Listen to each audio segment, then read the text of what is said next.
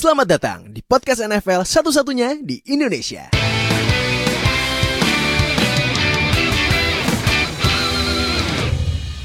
Baik sama gue Fadil host kalian di Zero Knowledge Podcast. Sekarang di week 7 review Gimana tim jagoan kalian? Kalau gue Alhamdulillah masih unbeaten Walaupun gue jantungan sampai terakhir-terakhir tuh.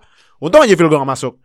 Nah kebetulan di sini tiga against Bears. Iya tiga, tiga tim tiga dari kita tim jagoannya menang yang salah sat- satunya lagi ya ya ya gitulah hasilnya ya. Satunya ya, juga ya menang. ya gitulah ya. Menang juga dia, menang juga, menangis. menangis ya menanggung malu nah gitu. Jadi eh, gu- tim eh, tim jagoan gue masih unbeaten alhamdulillah. Yang satu gonta ganti lead nih yang sebelah kanan gua nah yang pojok kanan bawah ini eh ini dominating ya menangnya. Jadi kita langsung mulai aja nggak pakai lama. Week 7 review ini gua langsung baca-bacain hasil skornya. Ini yang pertama eh Jets lawan Bills. Ini yang ini ya yang nggak ditayangin di Mola TV ya?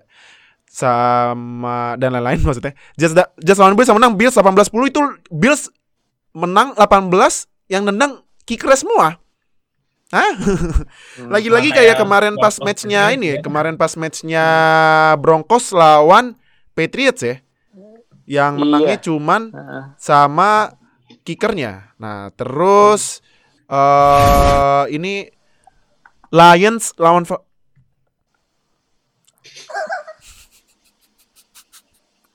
nih ya. Gue gue paham ini 2020 gitu. Gue gue paham nih 2020 mungkin tahun terburuk yang pernah dialami sama seluruh manusia yang lagi hidup gitu ya kecuali mungkin bayi gitu kan. Mungkin bayi nanti nanti nanti nanya sama ayah sama bapaknya gitu. Eh ayah sama bapaknya kok ayah sama ayah sama ibunya gitu. Nah ya 2020 banyak yang baru banyak yang hal baru dan lain-lain.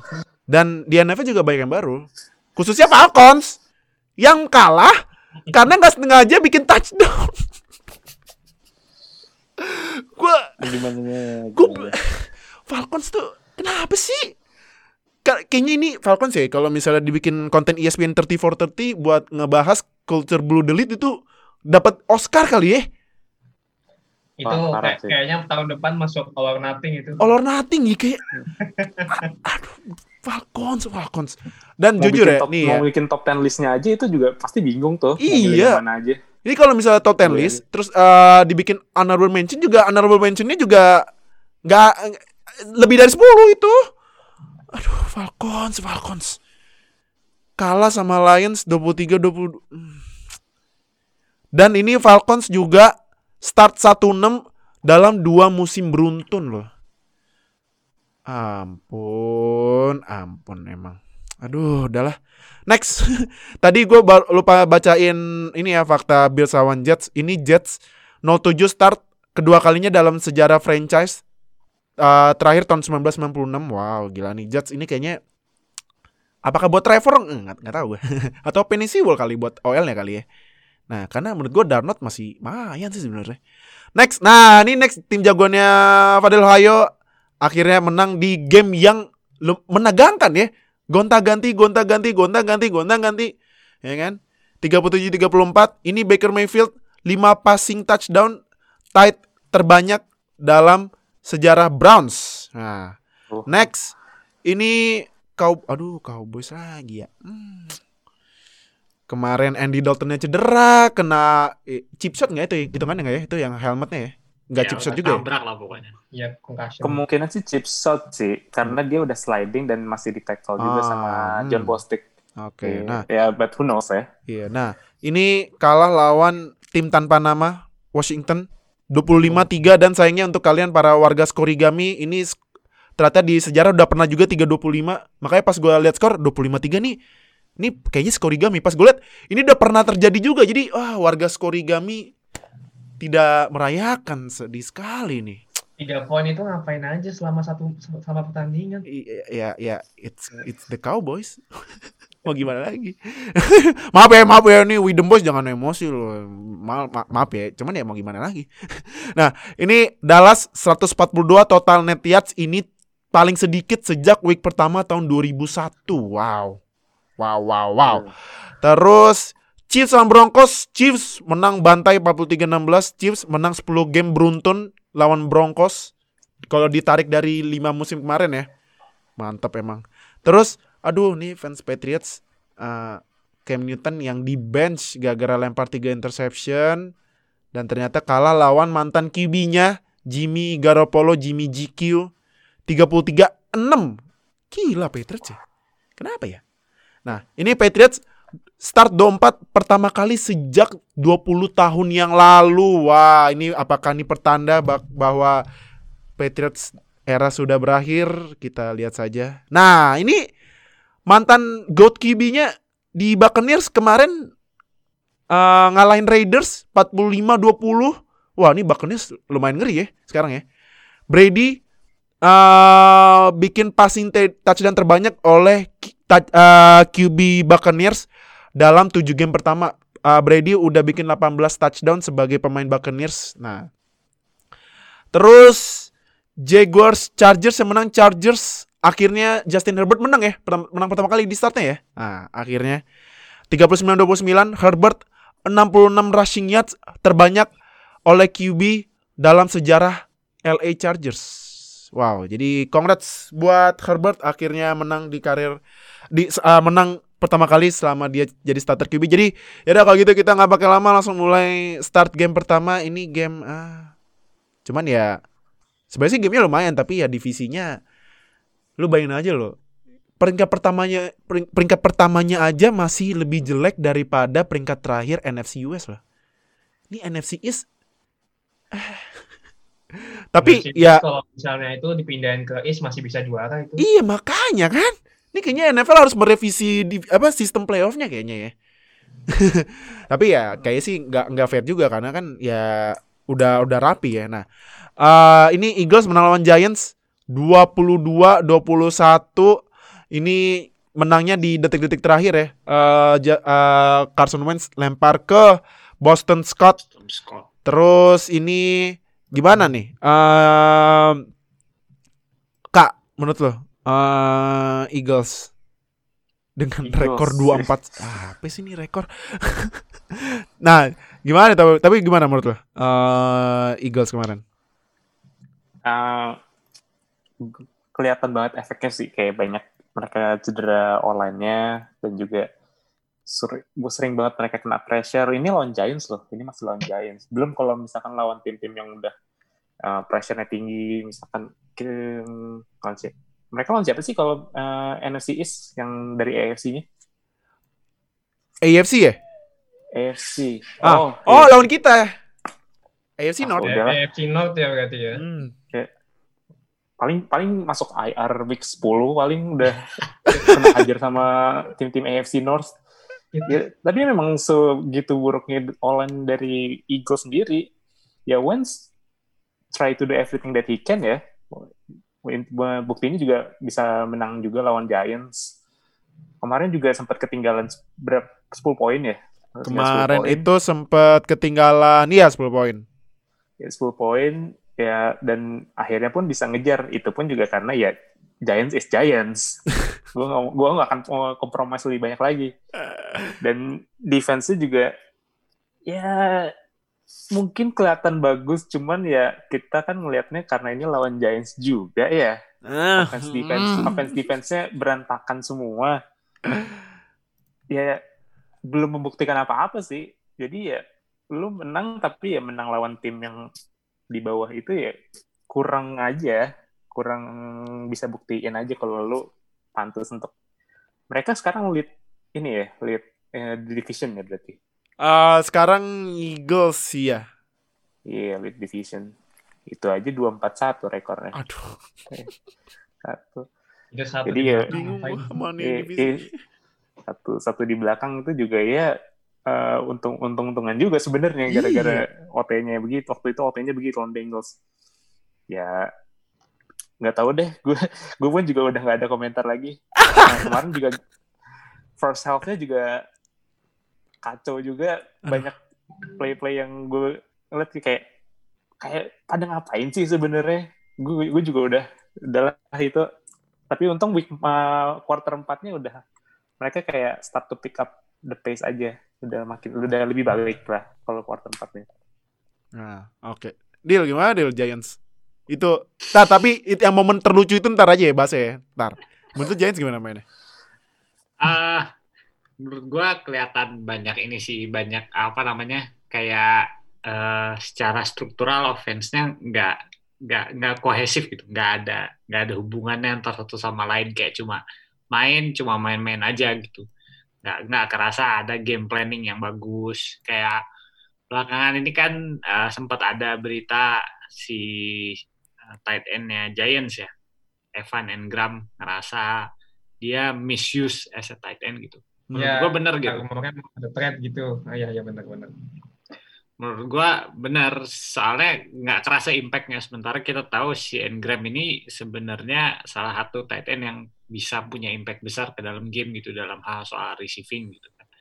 Nah sementara kalau nonton gamenya Giant tuh nggak kerasa gitu efek dia gitu kayak dia cuma lari short route flat dia disuruh ngeblok dulu terus baru keluar dan nggak melakukan uh, apa uh, thread down the field gitu. Sementara sebagai tight end yang atletismenya tergolong tinggi gitu, itu waste banget gitu. Jadi apa ya?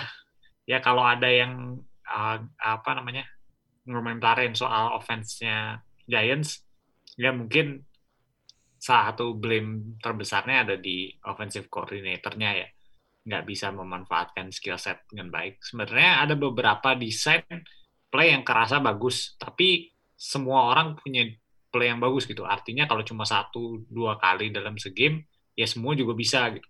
Yang tim yang benar-benar oke itu adalah tim yang bisa melakukan hal itu secara konsisten dan itu nggak kelihatan gitu dari Giants. Kalau apa namanya, maksudnya Daniel Jones, semua orang selalu bilang bahwa dia itu sebenarnya bisa, cuma ya kalau infrastruktur tim di sekitar dianya jelek banget, Hmm. dia nggak bisa ngapa-ngapain juga gitu. Gitu sih. Hmm. Oke. Nah, teman eh Dil, kalau defense-nya kan data gue baca itu Eagles, kalau Eagles ya Eagles ya. Eagles itu data sack-nya lumayan tinggi ya di NFL ya. Nah, kalau kemarin juga eh Eagles nge-sack si Daniel Jones yang nanti momen terkocaknya bakal kita bahas. Kemarin nge-sack tiga kali nah menurut lu apakah defense Eagles khususnya ini ya khusus buat eh, para pass rusher ini menurut lu underrated apa gimana? Atau memang ya karena this is NFC East gitu? Menurut gua lebih ke this is NFC East ya. Gua rasa kayak eh, uh, early on meskipun uh, line-nya Giants nggak kelihatan apa namanya nggak nggak nggak nggak kelihatan terlalu mentereng early on pun nggak ada nggak ada apa namanya quick pressure yang berarti gitu kan baru terus baru belakangan nongol kan pas baru apa uh, end game terakhir baru kena sack terus baru apa Eagles menang gitu kan. Jadi gua sih nggak ngerasa bahwa apa namanya nggak ngerasa bahwa Eagles underrated. Gue ngerasanya lebih karena ya ini levelnya NFC East aja gitu. Yang kalau dibilang ada yang bagus dari NFC East ya paling uh, Washington aja. Apa tim yang nggak punya nama itu menurut gue itu di lainnya legit gitu. Itu itu beneran legit bagus gitu. Tapi kalau Eagles eh, nggak bisa dibilang bagus gitu ya untuk level NFC East mungkin bagus. Nah, nah sekarang kita sampai ke momen terlucu yang mungkin menggambarkan 2020 ya. Daniel Jones yang ngefake lari kanan, larinya udah enak, udah enak banget, udah jauh banget. Eh eh eh eh eh eh eh eh eh kesandung bapak ke. Aduh, nu gimana reaksi lu nul lihat. lu ngakak aja. ya larinya justru itu Daniel Jones larinya ter, terkencang sejak 2018 loh. Lamar Jackson speednya ya beda dikit cuman Ya, ya benar. keren sudah cuman baik pas ending itu aduh kesan dong gimana reaksi lu Ya, of course ya pertama apa sih reaksi pertama yang gua lihat tuh ya lucu sih. Kok padahal udah tiga ya berapa yard lagi itu menuju garis touchdown malah jatuh. But part of that itu ya memang mungkin memang seorang quarterback yang memang sebenarnya punya skill setnya bukan di lari dan dia tiba-tiba lari sekencang itu menurut gue itu hal yang bisa terjadi sih soalnya kan mungkin badan itu tidak terbiasa dengan lari sekencang itu Mm-mm. Apalagi kan konstruksi badan konstruksi badan Daniel Jones itu kan ya bukan kayak yang running back apalagi yang kayak Lamar Jackson gitulah Mm-mm. yang memang bisa untuk lari. Sedangkan badan dia kan ya nggak se selevel itu. Jadi ya wajar sih, ya lucu, emang lucu lari. Padahal bentar lagi nyampe, coba jatuhnya di di di end zone aja deh mending. Kan dapat poin tuh lumayan. Iya. ya lucu sih, tapi ya it is what it is lah gitu. Nah, oke. Kalau yang lain gimana reaksinya ngeliat lari Daniel Jones itu? Yang lain yang lain. Ah, itu sebenarnya secara play design sih kalau gue lihat justru itu sebenarnya play design yang bagus banget sih. Nah, dia ah, mereka main RPO juga kan, terus habis itu semua defense-nya Eagles pada ketipu semua dan Daniel Jones udah kayak lari kosong semua sampai ya tau lah ke- kepleset akhirnya cuman ah, y- ya gimana ya itu cuman kayak kesial sebenarnya kayak kesialan aja sih tapi itu adalah hiburan buat kita semua Aduh, dia gimana Dil? Reaksi pas Lu lihat. harus harus lihat ini. Jadi ada ada yang ngepost kan eh, gue biasanya di Twitter tuh ada ini, ada orang-orang analitik gitu kan. Mereka tuh Iya. buat ini apa persentase kemungkinan menang gitu. Jadi disamain persentase kemungkinan menangnya Giants Mm-mm. naik naik naik naik terus di akhir game kan di di comeback kan sama Eagles kan. Langsung jatuh gitu persentase kemungkinan. Oh, gua tahu nih, gua tahu. Oh iya iya iya iya. si Daniel Jones lari Ya, terus dia nih. jatuh. Oh iya tahu gue itu yang probability ya tuh gue Iya, ngakak tahu tuh. probability sumpah. Gue ngakak banget. banget lihatnya Pak. Aduh, emang ya, memang dunia meme sosial media itu un- unbeatable ya, undeniable. Nah, NFC East ini emang sumber meme semua sih iya, emang- aduh, semua timnya iya semua. Jadi tuh meme, dunia permiman NFL tuh mungkin ngestok buat NFC East tuh udah banyak, udah di, udah siapin aja Iya. deh. Aduh, nah next week ini eh Eagles masih coba memimpin NFC, eh, NFC East dengan rekor masih di bawah 500 kalau menang ya. Ampun dah. Lawannya Cowboy. Aduh. Wow. Asik tuh, asik tuh. Ampun dah. siapa yang mau nih- coba kalah akhirnya Ya, Saya jadi ini ini mungkin gambaran siapa yang siapa sih yang mau menang di NFC East. Nah, ini juga Ja- kok NFC East dapat prime time ya? Ini Giants start main di eh, Selasa pagi football lawan timnya Brady lagi. Nah. Ah. asik tuh. Ya. ah, udahlah. Ah, Wassalamualaikum. Dah. ah, udahlah. Sodakallah gitu. Ah, eh tapi tiba-tiba bisa aja ada kejutan loh tahu-tahu Takut- ntar Daniel Jones lari lagi, lari lagi kan? lari- Long run tapi ntar kesandung lagi nggak tuh? Nih mainnya di Giants loh di MetLife Stadium loh, yang katanya turfnya terburuk loh katanya loh. Nah, Hmm. kita lihat nih ntar. Jadi itu review um, Giants lawan Eagles. Next kita bahas timnya Oka. Yang kalah karena Packers uh, kedatangan receiver utamanya si Jamal Ad eh ja, kok Jamal Adams? Sorry maaf, maaf, maaf, namanya sama sih Davante Adams. Nah Duh maaf ya. Davante Adams kemarin Packers menang 35-20 Davante Adams 196 receiving yards 2 touchdown. Jadi buat kalian yang pasang Davante Adams di fantasy langsung stong langsung stong stong stong stong gitu. Wah Biasa. ini juga Aaron Rodgers 4 touchdown. Kemarin tapi nggak ada ini ya nggak ada Aaron Jones ya. Kemarin yang main Jamal Williams, tapi untungnya juga Jamal Williams bikin touchdown gitu. Nah, Deal gimana Deal menurut lo? Eh, Packers. Apakah? Ya. ah, sorry sorry sorry sebelum belum mulai. Apakah? eh ini aja lu, lu gini ya, masalahnya itu kan ya mungkin mungkin week kemarin kan ya gak ada Davante Adams dibantai sama Buccaneers, tapi kan sebelum-sebelumnya gak ada Davante Adams juga masih menang. Nah, tapi sekarang dengan ada ada Davante Adams gimana?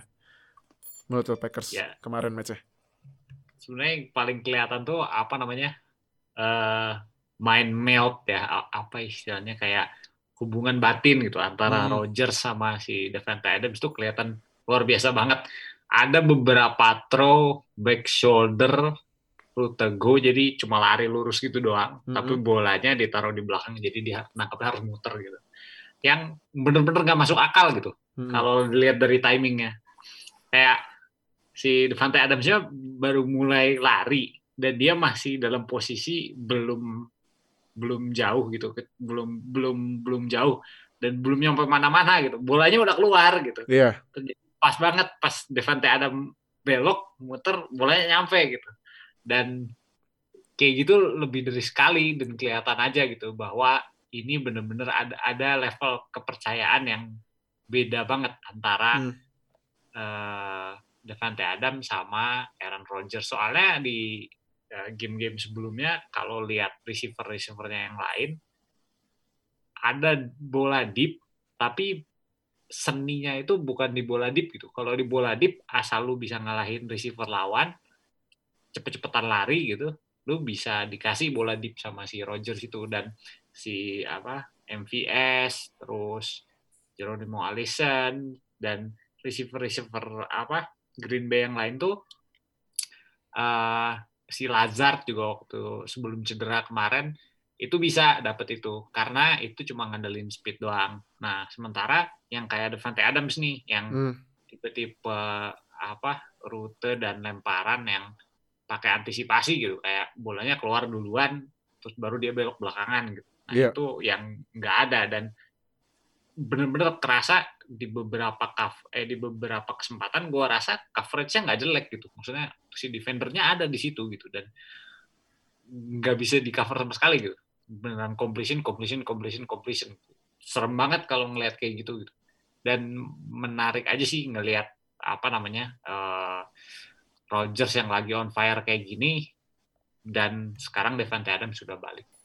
Hmm, oke. Kak, gimana Kak menurut lo? Eh tim jagoan lo?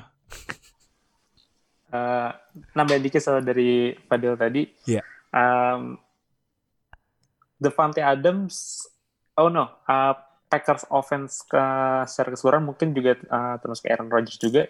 Mereka bikin banyak uh, desain play yang bikin Devante Adams itu jadi bisa one on one matchup, one on one matchup. Jadi gue sering, uh, gue juga nonton highlightnya itu dia banyak banget kayak cuman tinggal satu tinggal satu defender doang terus lewatin dia langsung big gain terus habis itu dia sering uh, padahal sebenarnya ya rute-rutenya masih belum nggak terlalu nggak banyak yang deep banget sih. Sebenarnya ada banyak yang rute drag ada yang rute flat juga. Dia jadi nangkep dan juga jacknya juga langsung gede karena defender Texans nggak bisa tackle. Dan ya itu sih yang kalau dari Packersnya. Texans sendiri kalau uh, ngomongin offense itu yang satu kata yang gue bisa bilang adalah imbalanced. Nggak balance Nggak balance ya? Jadi- Apa yang nggak balance? punya passing offense yang bagus. Bagus sebenarnya bagus. But no rushing offense. Gak ada rushing offense. Oh, nggak ada rushing offense ya? gak ada rushing offense. Dan juga nah, Houston Texans nggak bisa uh, defense runs juga defense runnya karena mereka juga in all of their match selama tujuh pekan terakhir ini mereka selalu allow rushing yards over 100 combine. Hmm. jadi sama Chiefs mereka kena sama C Ravens mereka kena combine ada Lamar sama Ingram Mhm, Steelers ada Connor mhm. terus Vikings ada Cook lawan Jaguars aja yang menang aja kebobolan hampir eh, lebih dari 100 kalau nggak salah. Ada James Robinson. Terus eh, ya tahu lah kemarin Derrick Henry juga 200 yards. Dan Mhm. sekarang eh, Jamal Williams. Itu aja udah eh, backup running back. Backup running back udah nem- udah hampir nembus 100 yard. Jadi ya eh, banyak yang harus dikeluarkan. Lindungi keluarga dengan air mineral yang terlindungi. Beli. defense-nya. Karena udah kelihatan banget mereka susah tackle. Uh, starting linebacker, middle linebacker mereka ada yang masuk IR, uh, Benedict McKinney. Mhm. Terus starting cornerback mereka juga IR, Kieran Conley. Terus uh, banyak banget kunci uh, play yang harusnya bisa mereka stop karena kayak banyak banget yang miss tackle dari defender-defender Texans. Jadi banyak banget sih yang harus diperbaikin dari online juga tuh masih harus yang banyak yang ditambal semua. Ya, gue gue pun juga eh gue sebenarnya berharap kayak kita bisa menang terus masuk bye week gitu kayak ada momentum gitu habis menang lawan Packers. Cuman ya dihajar habis mau gimana? Sabar ya. Oh, oh iya Texans nge eh, apa ya di week 8 ya. Iya, baik. Mungkin itu bisa ini kali ya kena dikasih ESQ treatment kali ya. Biar sadar Dievaluasi gitu. kali. semua itu. Iya, Harus dievaluasi semua itu. Nah, eh rookie siapa ya? Rookie di Packers Texans ya kayaknya. Ini aja deh, eh no gimana no kalau overall dari match Packers Texans? Ya secara overall sih ya untuk Packers ya ini ya vintage performance lah dari Aaron Rodgers lah ya. Apalagi Aaron Rodgers juga tahun ini juga lagi hot dengan mencetak 23 dari 34 yard, eh 23 34 passing, Hmm. 4 touchdown, 283 yard. Yang benar sih tadi apa yang dibilang Fadil tuh.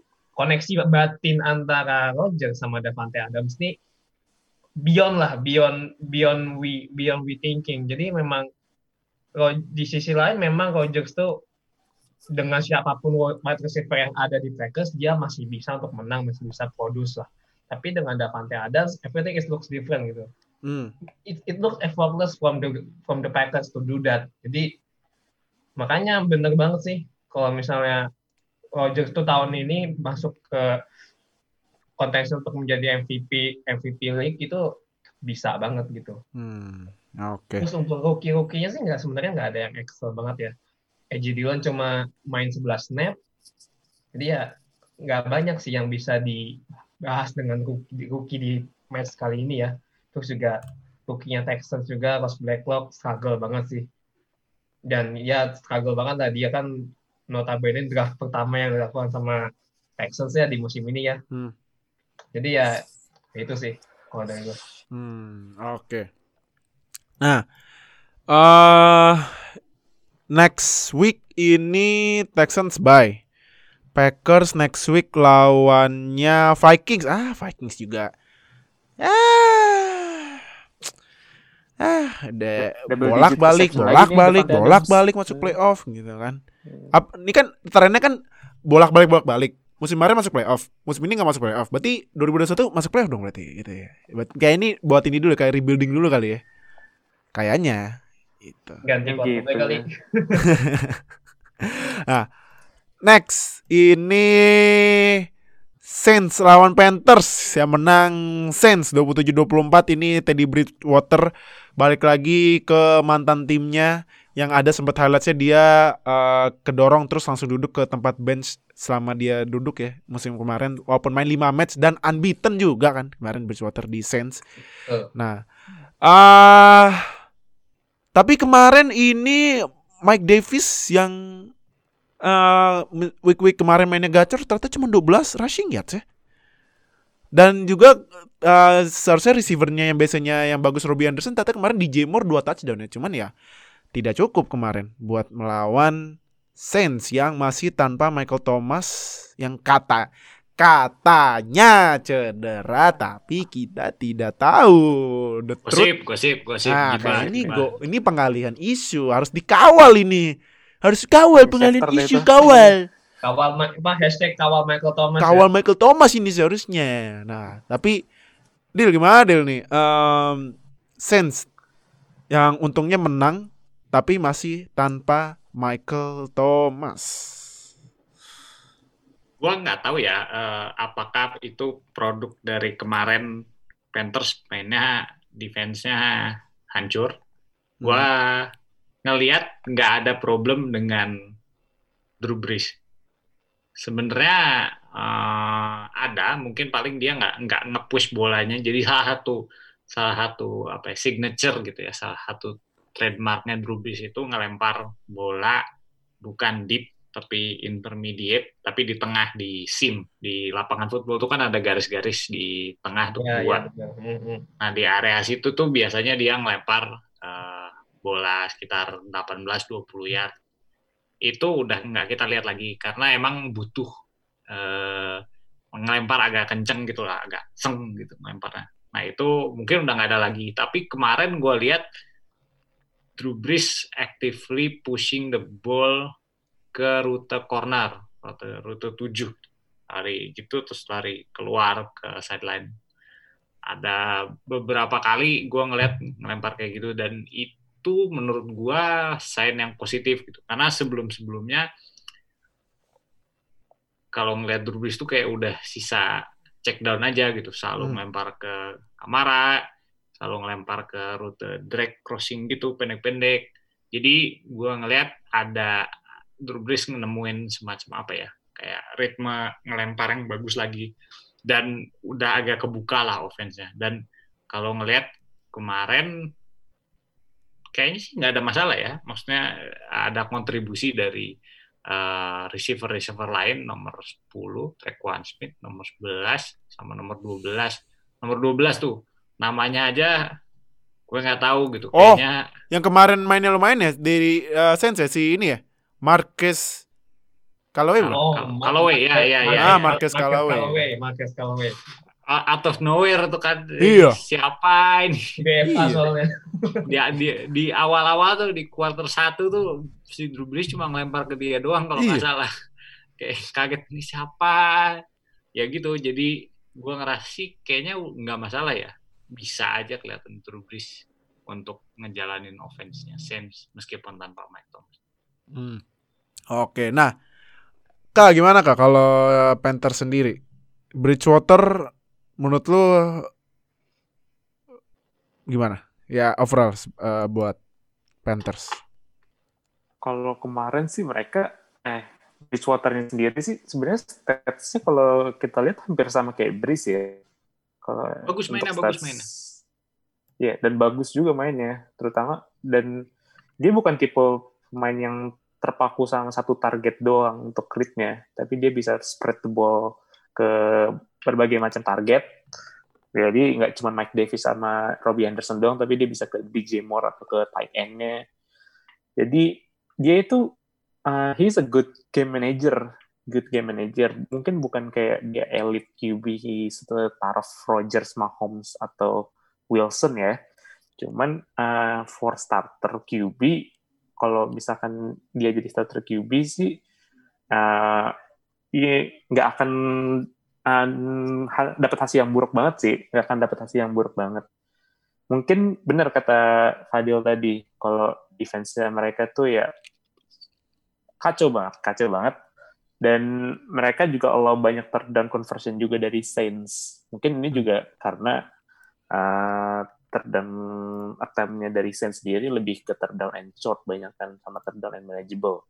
Jadi Iya. uh, mereka uh, susah juga untuk defense-nya karena um, Saints juga kan Breeze juga ya kita tahu dia arsenalnya banyak banget uh, in terms of like short play ada Kamara ada Trequan Smith juga ada tadi Marcus Callaway tadi yang dibilang Uh, but overall sih Panthers kemarin compete banget sih compete dengan Saints ya satu satu-satunya kesalahan yang mungkin bisa dinoted adalah waktu Bridgewater kena sack yang bikin mereka out of field goal range Oh Quarter iya. empat.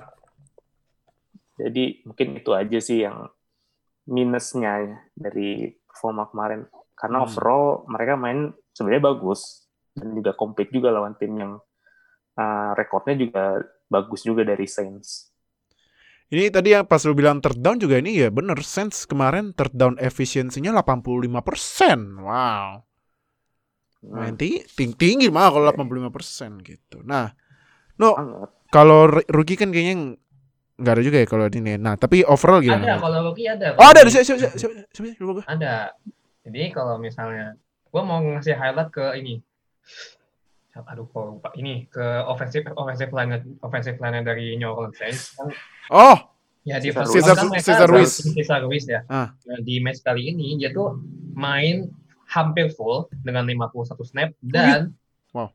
he did not allow a pressure. Woi, gak, gak ngasih pressure sedikit pun No, ke defense Oh, Panthers. pan. Wah, no one. bagus berarti ya. Offensive line-nya si Saints ini kan udah terkenal kayak batu ya. Apalagi ditambah Cesar Ruiz, posisinya dia center, Hmm. stepping ball, makin kayak batu lagi, makin keras lagi. Sebenarnya itu udah menjadi salah satu advantage ya.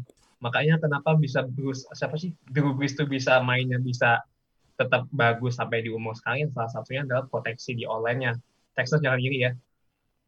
Hmm. Texas jangan iri sama online sama online Saints. Apa-apa kok ya, apa-apa.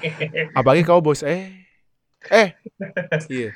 Apalagi Iya. Bengals, aduh, Bengals lagi. Nah, Tapi apart of the side ya secara overall sih memang udah tadi udah banyak dibilang sama Fadil sama Oka juga ya. Saints dengan ya memang tidak ada Michael Thomas masih bisa mengandalkan Alvin Kamara. Masih ada receiver-receiver yang lain juga apalagi kan ada satu lagi namanya Troy Pride Junior itu juga dia ditarget empat kali juga sama Brees. hmm. Siapa lagi tuh Troy, Troy Pride Junior itu receiver random juga tuh dari dari Saints juga tuh. iya. tapi part itu ya memang match ini sebenarnya menarik ya sebenarnya karena memang dari duel dari NFC South itu sendiri yang ya masih lebih baik ya daripada NFC East. Gitu. Hmm. aduh, jangan bawa NFC East dah. Ah, pusing Komen dong, banget. mau nambahin, mau nambahin. Apa apa? Gue seneng banget sama offensive coordinatornya Panthers, Oh. Joe Brady. Itu Iya, Joe Brady. sudah digadang-gadang dia the next big thing gitu. Kan kemarin kan McVay, Iya. sebelumnya Shanahan. Hmm. Nanti the next one itu dia. Oh, the next big thing ya berarti ya. The next big thing itu dia. Hmm. Lo harus lihat tampilannya kayak apa. Ah, Lo iya. harus lihat orangnya kayak gimana. Apakah nanti Jets bakal gantiin Adam Gase sama Joe Brady? Hmm. Aduh. Hmm. Kita lihat nanti ya. Nah, eh, next week ini Saints akan lawan Bears. Oh, nih apakah Drew Brees akan bisa menghindari dari makanannya Khalil Mack? Kita lihat. Kalau Panthers next week Panthers lawannya oh nanti di Jumat pagi football ya lawannya ya ampun lawannya Blue Delete. Ah udahlah itu mah udah, udah itu mah udah tahu hasilnya dia udah dah itu udah tahu hasilnya. Udah tahu hasilnya malah kalau bisa Panthers kasih kasih lead dulu ke Falcons ntar juga menang gitu. Kasih bola aja ke Kobe. kasih bola kagak kasih bola aja. Aduh Falcons Falcons. Ah. dah. Eh, next. Ini hehe.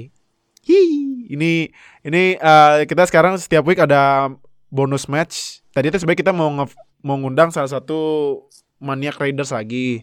Teman bukan Chef Juna satu lagi cuman lagi sibuk jadi udah jadi kita pilih yang lain. Nah alhamdulillah. Walaupun sempat mimpin 27-7 terus dikejar 70 17-0 17 unanswered point tapi alhamdulillah tim gua unbeaten masih karena field goalnya nggak masuk terakhir-terakhir untung aja tuh. Ah Big Ben Big Ben tuh silakan deh yang nah ini deh eh, sebelum nanya ke gua deh. Nah eh, Dil Titans gimana Dil? Menurut lo Dil Titans mainnya oke menurut gua cuma menurut gua eh, panas passing gamenya telat aja gitu Ah. baru baru panas Tannehill-nya belakangan gua rasa eh mana ngomongnya ya ad- ada balance antara gua ngerasa modelnya Titan sama model tim gua Browns itu mirip gitu. Hmm. mau main running game Hmm. play action heavy cuma bedanya Tannehill kalau disuruh passing drop back biasa bisa. Kalau Mayfield enggak. Nah itu gua ngerasa ada drawbacknya di ketika tim itu pengennya run game dulu gitu. Gua ngerasa di di awal game jadi susah buat eksplosif gitu. Karena biasanya run game either panasnya belakangan atau eh ya kalau udah ketinggalan agak jauh jadi harus di harus ditinggalin gitu. Itu yang gua rasa terjadi sama Titans. Keburu ketinggalan Hmm. dulu terus baru bisa panas baru, baru kayak habis ketinggalan Tannehill-nya jadi lebih sering ngepas karena Tannehill musim ini mainnya lagi bagus banget uh, untuk setuju. uh, untuk untuk passing biasa dan weaponnya ada ada Corey Davis ada uh, AJ. AJ Brown sama ini kemarin gua baca di mana ya PFF apa ya? PFF ngeluarin ranking uh, untuk tight end nomor satunya Jonus Jonu. Ah, iya iya. di atas Chelsea, di atas Oh iya. eh, di Tom. atas kita. Wow. Jadi jadi emang lagi bagus banget uh, Titans uh, musim ini untuk passing game ya. Dan gua rasa hmm, kan itu pilihan ya maksudnya lu mau lu mau lu mau apa yang jadi identitas tim lu gitu. Tim lu kelihatannya ngapain mainnya itu kan pilihan ya. Nah, Hmm. gua rasa sih kadang-kadang kalau lu milih buat run game kayak sekarang kan dibandingin Ten Hill lebih terkenal Derrick Henry kan. Jadi yang Iyalah. ditonjolkan ke publik itu run gamenya gitu. Nah, itu gua rasa pilihannya oke-oke aja sebenarnya cuma kadang-kadang bisa kejadian kayak gini gitu. Telat panas jadinya. Hmm, oke. Nah, eh silakan kalau mau nanya Steelers. Gimana kalau menurut lo tentang Big Ben? Kayaknya uh, dia mungkin pas uh, first half gue liatin sebenarnya oke-oke sih, oke lumayan. Cuman kayak quarter ketiga dia kayak mulai ada agak goyah gimana gitu. Dan mereka kan uh, awalnya quarter ketiga pas pertengahan 27-7 skornya ya. Iya, 277. dijadiin 27-4. Gimana tuh? Defense, uh, offense dan defense deh dari lo deal. Lo. Kalau offense yang pasti pertama lagi-lagi dan lagi-lagi gue kredit ke OL-nya. Walaupun kemarin ya De Castro balik lagi di right guard tapi ya sebenarnya tanpa De Castro pun masih bisa nahan Big Ben gak kena sack. Kemarin juga gak kena sack alhamdulillah kan. Kalau misalnya kena sack tuh ah apalagi yang sempet tuh tadi gue sempet bahas sama Fadil Loya sebelum match yang katanya ini ya Big Ben udah under pressure, muter-muter kasih ke belakang. Iya, Untuk iya, ketangkap. Untuk ketangkap sama kanan sama siapa apa Benny Snell gue lupa tuh. Nah. Nah, gua pertama kredit ke OL-nya pasti. Yang kedua gua melihat James Conner yang gua selalu ceng-cengin Glassman Glassman karena sekali tackle cedera ternyata dia kayaknya dia ke ke ke ini deh Haji Naim atau gimana gitu. Kuat banget. Serius, serius kuat banget di tackle sekarang. Eh kan pas itu dia ada sempat di tackle dua orang ya. Masih bisa ini masih bisa abis abis playnya dikasih lagi ke dia masih bisa nge-break tackle gitu. eh terus yang ketiga nah ini nih ini gue mungkin berhubungan sama kalian yang dengerin ini sambil main fantasy. Gue bilangin ke kalian semua Steelers gak ada WR 1 Gak ada. Jadi Iya. Big Ben udah cari yang open. Kalau misalnya nggak open nggak di passing karena kemarin juga Chase Claypool aja minus 2 yard. Nah, minus 2 yard yang kemarin bikin 4 Gimana touchdown caranya? terus kemarin juga bikin satu touchdown. Eh tadi lawan Titans eh kemarin lawan Titans minus 2 yard. Jadi buat kalian yang bertanya-tanya siapa ya receiver Steelers yang eh, reliable? Gak ada. gitu. Cuman eh ini sih eh apa yang gua kritik lagi-lagi ke leader kita Big Ben karena udah dua touchdown kebiasaan gitu gue pernah bahas juga sama netizen Steelers katanya Big Ben emang suka gitu kalau udah mimpin nyantai lemparnya suka ngasal nah gitu tiga interception ya yang pertama itu kan eh di end zone pas sebelum first half abis ya kan Iya, iya, lempar iya. pojok ke Dionte apa Juju gitu. Nah, itu gue udah kesel tuh. Yang kedua lempar tapi bolanya ketip bobol gitu ke atas kan. Nah, itu kan ya itu ya memang defense-nya bagus. Yang ketiga ini interceptionnya bikin saya jantungan. Makanya saya alhamdulillah masih sehat sampai sekarang ya. Karena saya setiap nonton ini selalu dilatih jantung saya sama tim kesayangan saya. itu fans Seahawks mungkin juga sama kali itu ya. Nah, eh Big Ben itu kalau gua gua sampai nge-replay replay playnya itu Big Ben itu sebenarnya bisa ada tiga yang open loh. Pertama Dionte di bagian kanan itu open banget dia. Yang kedua eh, Ibron di tengah bisa di check down. Ya kan? Yang ketiga itu si Claypool dia out uh, route-nya out, yang jagain dia itu ngezone ke belakang udah jauh.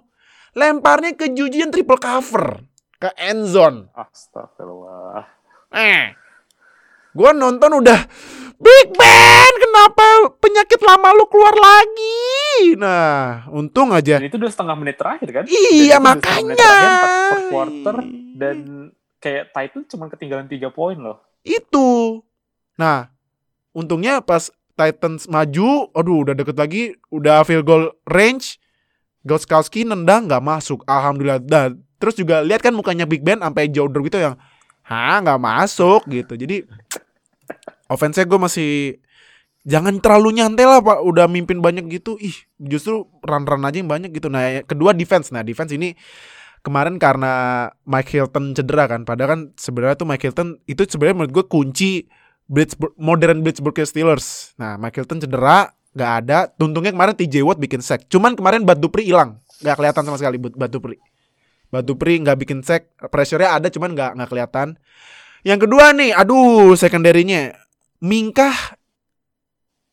kemarin bikin holding yang kru- aduh kacau deh itu kemarin. Yang pas sudah third down ya kalau nggak salah. Third down atau fourth down? Yang di eh, Jonu Smith kalau nggak salah. Jonu Smith dia eh, out route atau free school ya? Out route terus dia nge-holding. Kalau misalnya nggak holding tuh udah selesai. Fourth down nggak salah deh fourth down ya. Nah ternyata holding di repeat lagi first down terus kasih ke Henry touchdown. Nah tapi gua kalau defense kemarin gue kasih kredit sekali nih ke penggantinya Devin Bush si Robert Spillen yang dia bis nahan De- Derrick Henry lo gila itu nahan sendirian untungnya di ada bantuan dari Tijo cuman dia langsung bener-bener nabrak nabrak nabrak door gitu kan. Biasanya kalau nabrak gitu ya kalau ketemu Derrick Henry dua pilihan kan antara kena uh, break tackle atau enggak kena Steve Arm ini bener-bener nabrak door terus ke tackle. Dan abis itu dia cedera sayangnya tapi cuman untungnya sehat. Jadi ya gua kalau misalnya kasih nilai offense gua kasih nilai eh, 7 defense-nya delapan setengah lah karena pressure-nya ke Tannehill sedep banget. Gue seneng gue liat pres- pressure-nya ma- dimamamin terus Tannehill. Tapi ya abis itu pas comeback ya gitu pressure-nya hilang gitu. Itu sih. Sama terakhir mungkin special team yang Ray Ray McLeod itu yang nyaris uh, pan return touchdown tuh. Coba coba larinya ke kanan dikit tuh pas sebelum second half abis tuh bisa nambah kali skornya gitu. Jadi ya prepare lah next week lawannya ah Ark Rifle lagi. Itu sih kalau gua. Nah eh rookie siapa ya kalau di ini? Kayaknya nggak ada ya rookie ya. No gimana kalau no Eh, overall match? Ya overall match sih memang udah ini ya di banyak dibilang juga tadi sama yang lain juga. Ya seperti biasa Ben Roethlisberger kalau misalnya udah lagi kambuh ya nggak taruhan kambuhnya gitu. iya emang Tapi kalau mau gue bahas sedikit tentang rookie ya, gue mau nanya deh Dil, ini aja. Hmm. Kemarin kan berarti Chase Claypool lebih sering dipakai menjadi decoy. Mm-mm. Kalau bisa gue bilang decoy, decoy di saat teammate yang lain tuh dapat 17 reception sama 222 yard sama 2 touchdown. Hmm. Kalau emang nggak ada kompetisi WN1 di Steelers dan Ben Ben Roethlisberger itu mainnya tergantung dengan siapa yang open. Hmm. Terus bagaimana play itu akan jalan kalau memang nggak ada WN1 dan kalau misalnya Ben Ben itu udah mulai mentok mainnya, apalagi Ah. kan Ben udah tua nih. Ah iya iya benar-benar. Nah, ini ini ini good question. Cuman kalau misalnya disuruh jawab pastinya Big Ben safe blanketnya itu ini eh, kalau lu pernah nonton match Steelers safe blanketnya itu pasti si Connor ini apa route-nya apa sih namanya kalau yang lari, lari langsung kanan gitu dari posisi dia apa sih namanya gue lupa namanya Swing. Wheel route. Apa? Wheel route bukan. It- ya itulah Swing. ya nah itu pasti eh, Big Ben passing ke samping pasti ngecek down check down atau enggak kalau misalnya running backnya disuruh ngejaga kalau misalnya James Conner atau Benny Snell suruh ngejaga Big Ben pasti si Ibron eh route-nya kalau nggak masuk nusuk tengah atau enggak check down gitu. Itu sih kalau misalnya WR udah benar-benar dijagain ya itu sih opsinya. Dua opsi itu sih. Gitu kalau Steelers ya mainnya. Nah next week itu lagi yang tadi gue bilang di awal Steelers ketemu Ark Rival ya Ravens jadi ya udahlah. Siap-siap ya. Nggak ada yang unbeaten sampai week 7 nih. Dan Steelers 6-1 lah udah fix. Fix dah. Fix. 6-1 udah 6-1 bener dah. Tiba-tiba menang lagi terus extend lagi ini. Kalau menang lagi ya gue kasih meme Mike Tomlin yang senyum Hmm. Kesel banget gue. next next week juga eh Kalau Titan soundnya Bengals. Nah, ini mah Bengals sih. Kecuali ya kalau misalnya Titan pass rusher-nya ada ya, mungkin ya lanjut kali ya menang ya buat menangin AFC South ya. Eh, sorry ya, kayak Ya, ya tahu kok gue. Next. Ini nah match yang akhirnya pecah telur juga. Cardinals ngalahin Seahawks sampai detik terakhir overtime 37-34. Gimana nih? Dia. Eh menurut lo eh kemarin Russell Wilson 3 interception loh kemarin by the way. Tapi dari yang menang dulu deh buat Aduh ayo gimana Cardinals ini Kyler Murray. Sebenarnya gue ngerasa nggak ada nggak ada yang kayak spesial spesial amat gitu. Gue ngeliat cuma yang gue notice setelah nonton Cardinal belakangan ini. Thank you si Cliff Kingsbury sudah mendengarkan doa gue. Oh, apa tuh doa? Play Apa tuh doa? Andy Isabella. Oh, Oh iya benar-benar. Jagoan gue Andy udah mulai main. Andy Isabella. Jagoan gue udah ganti nomor punggung dari 89 ke 17. Oh, ganti nomor punggung ya? Ganti nomor punggung. Baru ya? Baru. Oh. Baru season ini. Oh. Kayaknya dia ini apa mau buang sial mungkin. Nggak boleh di di Cardinals kalau lu main WR harus pakai nomor belasan nggak bisa pakai nomor 80. oh iya ya. Fitzgerald 20 13, eh Fitzgerald 11, Nuk 10, Kirk 13. Iya. Oh iya ya. Nggak boleh nggak boleh pakai nomor 80. Bener, kalau bener. nomor 80 nggak main lu. Jadi dia main terus belakangan ini Christian Kirk yang biasanya main di slot posisinya diganti sama Isabella jadi Christian Kirk main di luar.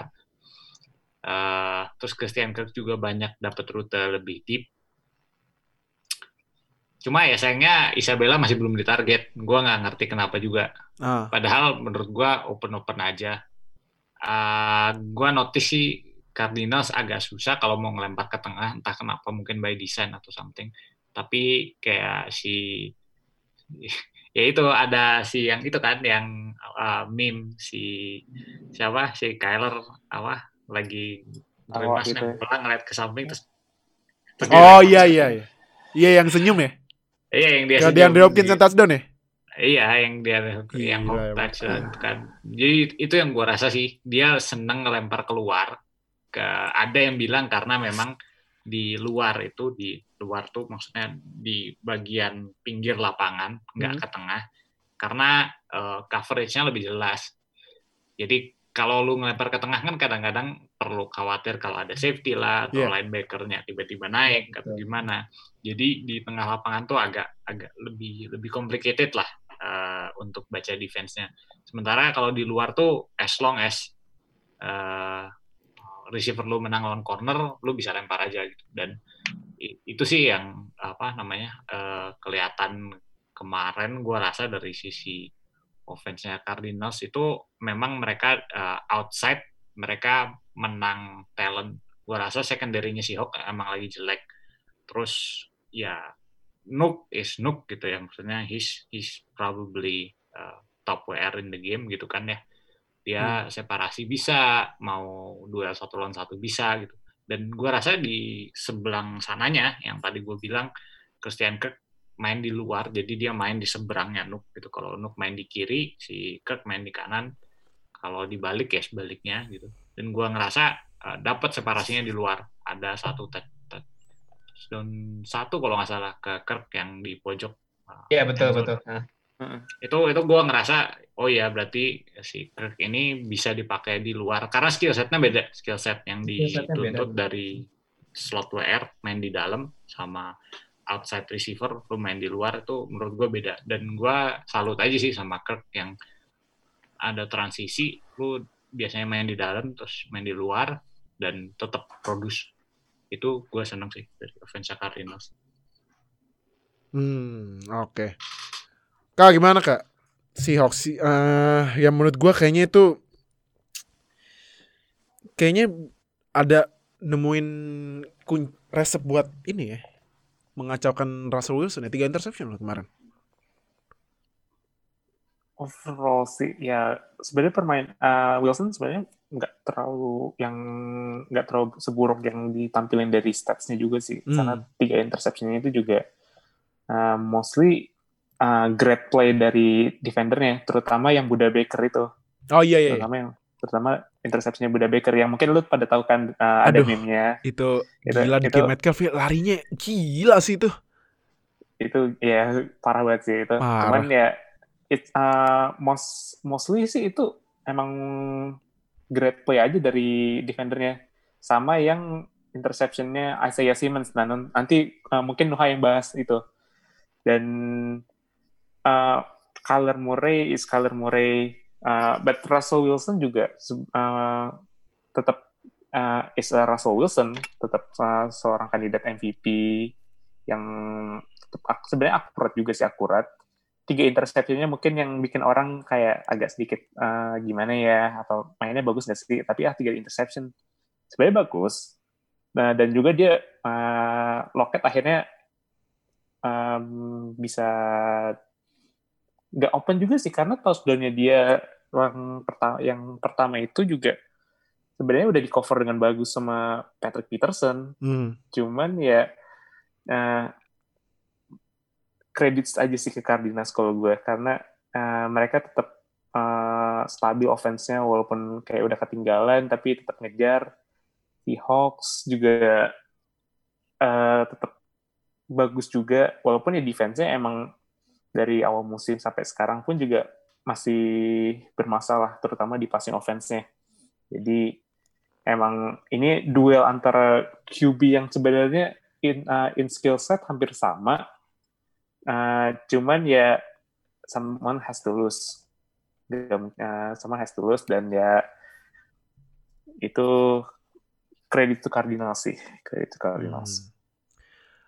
No, gimana nih no? Isaiah Simmons yang kemarin bikin interception dan mungkin jadi penentu kemenangan Cardinals kan kalau kita lihat dari week 1 sampai kemarin pun sebenarnya Isaiah Simmons ya nggak kelihatan sama sekali. Iya, Cuman benar. kemarin dia bikin interception. Gimana menurut lo? Isaiah Simmons. sebenarnya interception itu nggak gini deh. Jadi kan Isaiah Simmons tuh di match ini itu kan dia cuma main 5 snap doang. Which Lima? sangat Ah? Iya, Hmm. 5 kali snap doang dia main di match kali ini lawan Seahawks. Serius? Iya, Ah. itu sih kalau menurut gue itu masih kayak ada sedikit kebingungan dari defensive coordinator gimana caranya dia Isaiah Simmons karena emang skill setnya banyak banget. Dia bisa vers- dia versatility-nya sangat tinggi bisa main tiga posisi.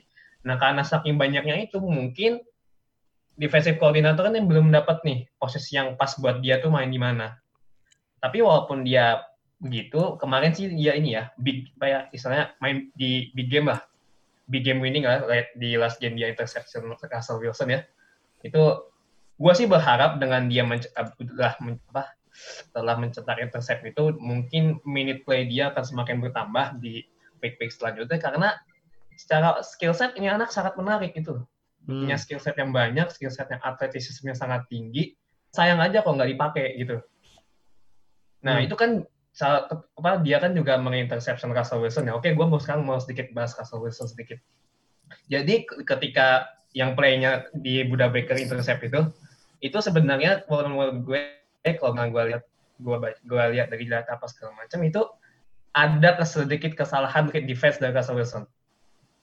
Hmm. jadi kan ketika dia mau udah mau ngelempar tuh si Russell Wilson tuh nggak ngelihat kalau misalnya ada Buda Baker yang masuk ke arah ke arah lemparan bolanya si Russell Wilson. Itu kan kayak bener-bener tiba-tiba aja kan datangnya si Buda Baker tuh dapat bola langsung dia lari bawa ke ujung. Itu sih kayak itu memang kayak ada berarti Russell Wilson tuh masih belum belum bisa read defense-nya secara jadi kan itu datang secara tiba-tiba ya. Jadi dia kayak miss misread gimana read dari defense si Cardinals ini. Itu sih kalau menurut gue. Hmm. Nah, gue mau ini deh mau sedikit lanjutin Isaiah Simmons. Deal gimana deal menurut Isaiah Simmons? Apakah Isaiah Simmons what happened tuh? Kenapa ya Isaiah Nggak, Simmons? menurut gua menurut gua memang ada ada apa namanya ada sedikit proyeksi ketika dia keluar dari eh, college menurut gua memang skill set dia menarik tapi eh, eh, defense-nya NFL nggak nggak minta dia untuk melakukan itu. Defense-nya NFL tuh minta eh, di di level NFL tuh ada beberapa hal yang lu nggak bisa get away with di di level college dia nggak perlu bisa uh, punya feel untuk melakukan zone coverage Hmm. uh, secara konsisten dan dia juga nggak diminta untuk nge-cover uh, someone yang benar-benar shifty di di level college gitu. dan itu non negotiable gitu itu itu sesuatu yang wajib dimiliki dia kalau dia mau main di posisi uh, inside linebacker di mana memang dia sepertinya di apa diminta oleh Cardinals untuk main di posisi itu. Dan kelihatan beberapa kali waktu itu dia lawan lawan Niners kalau nggak salah ya. Waktu hmm. Niners tuh dia dikadalin banget. Dia main di posisi inside linebacker terus dia dikadalin abis-abisan sama Shanahan. Dan uh, apa ya uh, kekunci gitu. Beberapa kali dia kejebak main-main coverage terus satu lawan satu dan nggak nggak nutup gitu. Uh, dia badannya gede dan fisikal dan dia bisa lari, cuma ketika diminta ganti arah, dia minta belok-belok gitu, emang agak kurang kemampuan untuk itunya. Dan uh, gua rasa memang uh, mungkin uh, masih terlalu banyak apa namanya uh, yang diminta dilakukan buat dia. Jadi uh, mungkin ada ada periode adjustment lah. Tapi uh, ya gitu sih, Cardinals nggak nggak apa mereka suka ngedraft pemain-pemain yang rada-rada aneh gitu. Kayak apa namanya? Buda Baker kan sebenarnya dia undersize kan. Dia kecil Iya. banget. Terus uh, kemarin tuh nah ini yang satu satu satu satu, satu story lagi adalah Hasan Reddick nomor 40. Oh, Hasan Reddick iya iya. Gua. Mainnya bagus banget banget kan dia pindah posisi dari inside ke outside linebacker kan jadi jadi jadi edge jadi pass rusher gitu. Gua ngerasa setelah pindah posisi dia jadi bagus banget. Jadi mungkin sa mungkin si Isaiah Simmons ini mungkin juga masih harus nyari-nyari dulu gitu kayak di NFL dia bisa jadi apa gitu karena itu tadi waktu di college karena dia dipakai macam-macam jadi dia nggak mendevelop skill set yang spesifik buat bisa main. Hmm. Oh, Oke. gue mau shout out juga Boleh, boleh. eh, buat Patrick Peterson nih game ini. Metcalf hilang. Ah, apa? Metcalf hilang. Maksud Hmm. Oh, Yes. Metcalf iya hilang karena kemarin eh Tyler Lockett 200 receiving. Uh. 200 receiving yards, 3 touchdown buat kalian yang main fantasy pasang Lockett. Stong, stong, stong. Aduh, 50 gila 50 sih. poin. Gila, gila. Kebayang gila. kalau masangnya Lockett sama Devante Adams. Wah, itu udah mega stong, stong, stong. Aduh. 90 poin cuma dari dua pemain. Ih gila. Cuman ah gue ini dia, gue sempat baca itu gue kan follow NFL apa namanya yang advanced apa namanya high gen stat ya nggak salah ya. Next gen. Next Yes, gen yes, stat ya. that's- Katanya tuh Iya. Metcalf hilang karena dikantongin sama Patrick Peterson bener nggak tuh? Benar, benar, benar. Ah, ya kan? Dia Iya. most most most of the snaps dia di cover sama uh, Patty gitu. Jadi gua ngerasa memang eh lu bisa nge-game plan against Metcalf gitu. Kalau lu mau specifically mau take him take him out ya. Dan gua ngerasa memang eh, Russell Wilson jadi nggak nggak ada super explosive play gitu. Nggak ada yang langsung jeder gitu. Gua Nah. gua ngerasa sih it- eh, kalau mau slow down Seahawks a little bit, memang kan yang yang bagian yang paling eksplosifnya Metcalf kan. Jadi gua ngerasa pilihannya tep- tepat gitu yang dilakukan oleh apa namanya yang dilakukan oleh Cardinals.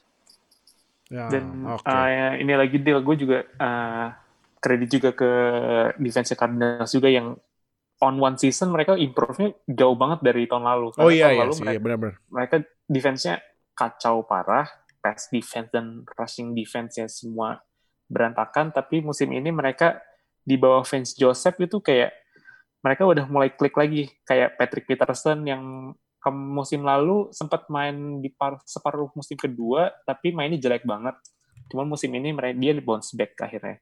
Dan Buda Baker yang musim-musim sebelumnya nggak pernah bikin turnover, yang Oh iya, dibilang Gua baca dibahas juga. Hmm.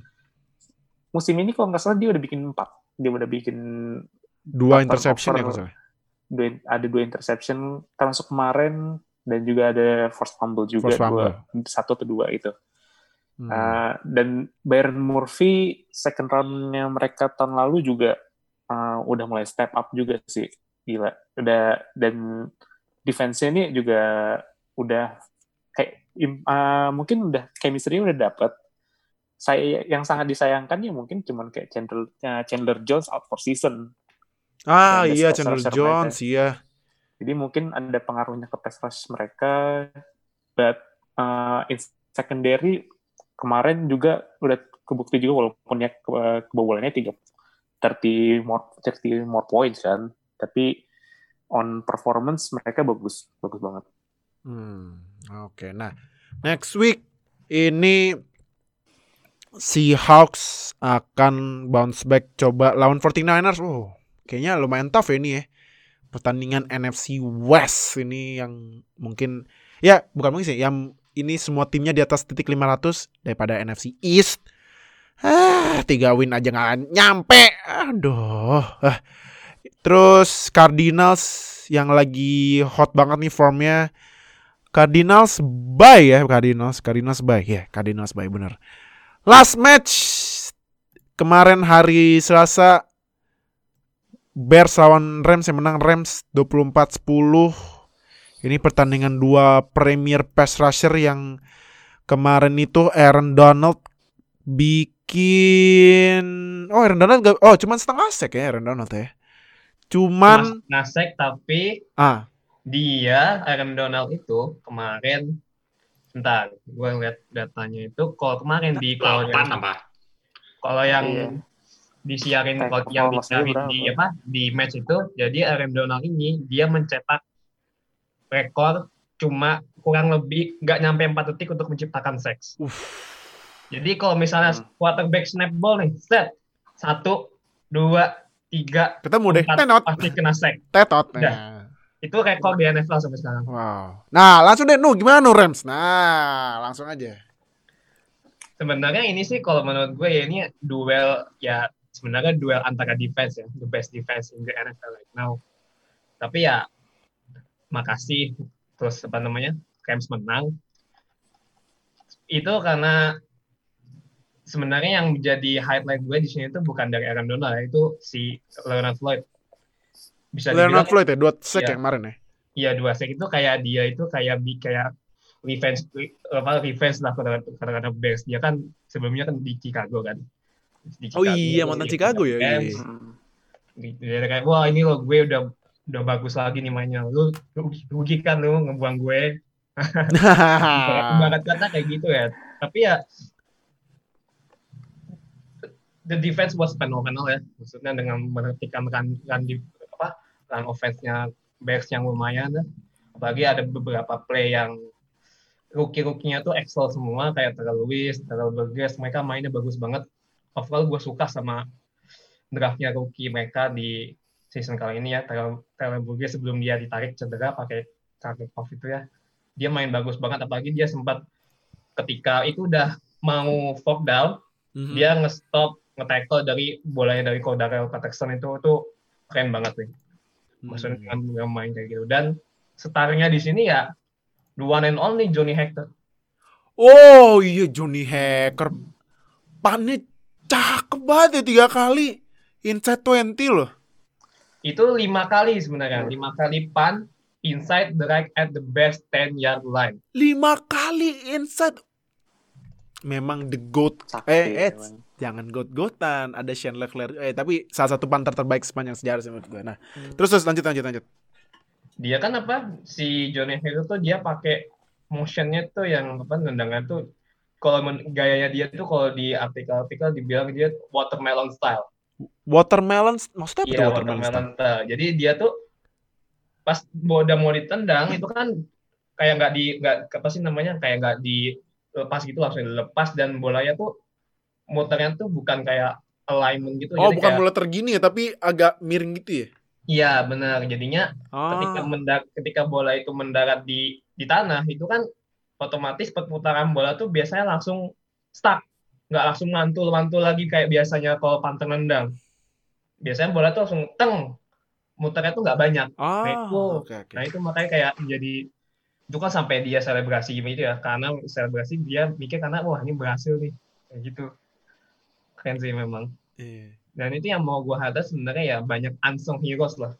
Banyak unsung heroes dari match kali ini. Hmm. untuk offense-nya sih nggak sebenarnya nggak jelek ya Jared Goff bagus tapi ya ada beberapa play yang nggak ya mirip-mirip sama kayak ketika lawan 49ers kemarin tapi ya overall gue happy sih dengan Iya iya iya. Nah, ah Deal kalau menurut lu Bears gimana nih? Eh, kan kalau nggak salah baru fourth quarter bisa long pass ke Allen Robinson ya, tapi gimana menurut lu? Bears. Ya, menurut gua s- ya gimana, gimana gimana, gua nggak tahu juga. Soalnya gua ngerasa eh, apa ya, offense-nya bener-bener kayak letargik gitu loh, bener-bener eh, ada tapi nggak ada menurut gue itu. Oh. Gimana ngomongnya ya? Se- secara secara game planning kayak ada gitu cuma bener-bener kehambat sama quarterbacknya bener-bener kehambat sama kemampuan quarterbacknya Ap- apa yang bisa dilakukan oleh quarterbacknya gitu. Menurut gua eh, Matt Nagy kelihatan ada beberapa play yang dia dial up dia scheme things up gitu. Dan gua ngerasa ah, ada beberapa kesempatan di mana open gitu. Ada beberapa deep shot yang harusnya bisa dieksekusi dengan baik cuma ya gitu aja gitu. Hmm. gue ngerasa soalnya ke- kalau ngelihat ke seberangnya ngelihat ke Rams lu bisa ngelihat ada limitasi quarterback juga gue ngerasa Rams terbatas di quarterback dengan Goff tapi eh, keterbatasannya itu nggak sampai menghambat tim gitu jadi dia at least operate at a level eh, yang nggak menghambat tim gitu dia nggak bagus-bagus amat tapi nggak jelek-jelek amat juga gitu Hmm. Sementara ketika ngelihat Bears itu bener-bener kayak semua lemparannya Nick Foles tuh bolanya ngambang gitu. Seng, seng, Iya. seng. Jadi kayak kayak kayak wah ini bisa diintercept, wah ini bisa diintercept. Bolanya nggak nggak cukup cepet buat nyampe. Ada yang eh, nggak tahu ya isu kayaknya. Gua- Tadi gue eh sebelum rekaman ini gue baca udah di review katanya ada ada yang bilang bahwa eh, Nick Foles bilang sebelum playnya mulai dia tahu dia nggak akan punya cukup waktu secara protection wise tapi tadi sih gue bacanya lagi udah di review udah. Itu pembicaraan itu tidak benar cuma ya memang kadang-kadang gue ngerasa nggak tahu ya ada ada mistiming mungkin an- antara bolanya kapan harus keluar sama protectionnya nggak hold up. Gue nggak tahu juga tapi ya gitu ada ada isu di di di posisi quarterback gue rasa di Bears. Soalnya uh, pas uh, komentatornya ada ada yang sempat bilang bahwa apa Bears nggak nggak punya cukup weapon offensively mungkin karena Cohen lagi cedera oh, komentatornya ngomong gitu gue sih nggak setuju Uh, Allen Robinson mainnya masih bagus Hmm. terus di siapa Anthony Miller ya nomor 17 Iya, yang catch-nya satu tangan bagus. itu ya. Ya, itu juga mainnya bagus. Di luar di luar catch yang dia buat ya, uh, Hmm. route running wise dan apa yang dia bisa lakukan dan Cordarrelle Patterson itu untuk apa yang dia lakukan gitu ya, hybrid WR running back returner gitu-gitu, itu he, he's also very good. So menurut gua ada talentnya, cuma ya terhambat sama quarterbacknya aja sih. Itu gua rasa buat Bears. Hmm, oke. Ah, Oka. Yup. Eh, overall gimana? Em, mungkin ini kan sama-sama 5-2 nih ya Bears sama Rams. Kalau menurut lu kedua tim ini apakah chance-nya kuat buat memenangi divisinya masing-masing kalau Bears di NFC North terus Rams di NFC West gitu gimana? Kalau menurut lu deh jangan jangan dulu ya. Menurut lu siapa yang chance paling gede gitu buat menang di divisinya? Yang paling bisa sih kalau menurut gua Rams ya. Oh, Karena di divisinya itu lebih kayak lebih wild aja, lebih wild dan juga ada masih ada kemungkinan Seattle kalah Hmm. sama Cardinals lagi atau Seattle kalah sama 49ers lagi atau mungkin ntar Seattle lawan Rams Ramsnya menang juga. Mm-mm. Jadi chance-nya untuk Rams juara divisi lebih gede dibandingkan Bears yang di divisinya sama mirip-mirip sebenarnya. Ada Packers juga, walaupun ya uh, Vikings sama Lions mungkin rada ngaco. Cuman Hmm. Uh, in terms of Packers lawan Vikings sih mereka eh Packers lawan Bears itu uh, ada kayak ada, masih ada gap di antara kedua tim itu sih. Jadi kemungkinan lebih besarnya gue lihat ada di Rams kalau untuk bisa juara divisi. Tapi Hmm. mungkin uh, mungkin kejadian mungkin juga enggak karena uh, Packers sama Seahawks ini juga masih uh, top team of the NFC. Hmm. Jadi ya we'll see lah beberapa pekan ke depannya. Oke, nah jadi next week Rams masih coba ngejar NFC West karena Seahawks sudah kalah akhirnya. Lawan Dolphins wah ini agak tricky sebenarnya. ya. Dolphins juga sebenarnya lagi lumayan ya kan. Bayi dulu Di tapi quarterback Dan loh. Debutnya. Oh debut- iya, debut- tapi ini debutnya. debutnya tua Tagovailoa. Nah, apakah Aaron Donald akan mem ibaratnya welcome to the NFL Rook ketua Tagovailoa. Nah, sarapan selamat datang. selamat datang di NFL Rook gitu. Kita Eh, lihat. tapi ya. boleh nambahin sedikit nggak? Sedikit aja. Boleh, boleh, boleh. Jadi kan ini menurut Netscanstat nih. Jadi kemarin Aaron Donald sama Leonard Floyd itu leading apa? Leading pressure. Jadi dia kan bikin apa? Pressure ke Nick Foles itu 37,2 persen. Hmm. Jadi Aaron Donald tuh 8, 8 quarterback pressure, 25 20 apa 20,5 pressure rate. Tapi satu sack doang. Nah, Leonard Floyd-nya ini yang memang lagi lebih istilahnya lebih excel lah waktu match kemarin. 6 quarterback pressure tapi dia 2 sacks. Hmm. Jadi ya Hmm. jadi kalau jadi ini nambahin aja. Jadi menurut gue ini Aaron Donald udah mulai dapat tandemnya lagi. Hmm. Setelah musim kemarin kan dia ada Clay Matthews ya yang bisa cover kalau misalnya Aaron Donald kena double team. Nah musim ini Leonard Floyd udah mulai bisa nih ketika Aaron Donald lagi di lagi di cover double team, Leonard Floyd bisa masuk untuk mendapatkan sacks. Hmm. Jadi udah mulai oke lah defense-nya ini udah mulai bisa diharapkan lagi untuk di depan. Gitu. Tambahin dikit Bill dari situ. Ah, diuntungkan juga untuk Leonard Floyd-nya juga karena ah, Aaron Donald juga kan seperti kata Noah tadi dia yang dapat double team, triple team. Tapi itu pun juga kemarin bisa dibilang sebenarnya nggak terlalu berhasil karena tetap bikin 8 quarterback pressure tadi kan ya. Iya, Dan Floyd juga karena Aaron Donald udah makan dua tiga pemain untuk di untuk nge-triple team dia, double team dia, dia dapat one on one matchup. Ya wassalam orang right tackle-nya uh, Chicago Bears. Karena uh, Leonard Floyd ini kadang orang suka salah persepsi, kadang ada yang bilang katanya bahwa dia itu bust karena dia top 10 pick uh, 2016 yang sebenarnya kalau nggak salah Los Angeles Rams ini punya tiga top 10 pick di 2016 draft. Ada Hmm. Goff, ada Ramsey, ada Leonard Floyd. Yes. Yep. Jadi kualitinya ada, kualitinya ada dan uh, secondary improve dan um, Rams juga punya the, uh, arguably the best defensive tackle, if not the best defensive tackle in the NFL. Hmm. Dan pass rushing-nya juga ada Leonard Floyd yang in pass rush bagus banget. In pass rush bagus banget. Mungkin dia nggak terlalu bagus on defending the run, but in pass rush purely dia worthy of top 10 pick. Jadi Rams defense nih sama-sama kuat dengan Chicago Bears, cuman ya lebih uh, bisa Rams yang hold on the defense. Hmm, oke. Nah, eh ini kalau Bears next week lawan Saints. Oh, ini menarik juga nih sebenarnya Bears lawan Saints ya. Apakah Drew bisa handle Khalil Mack atau gimana? Nah, oke. Jadi itu buat review di week 7 buat tim kalian yang menang.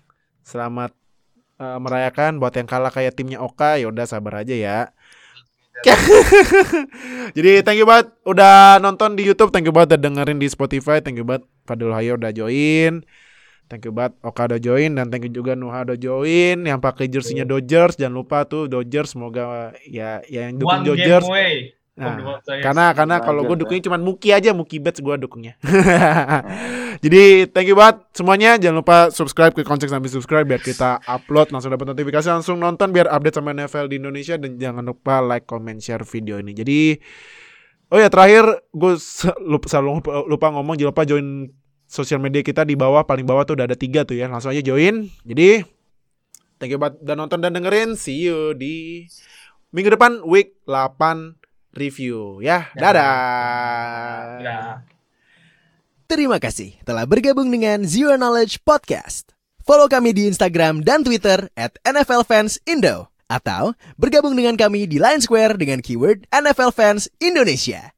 Sampai jumpa di podcast berikutnya.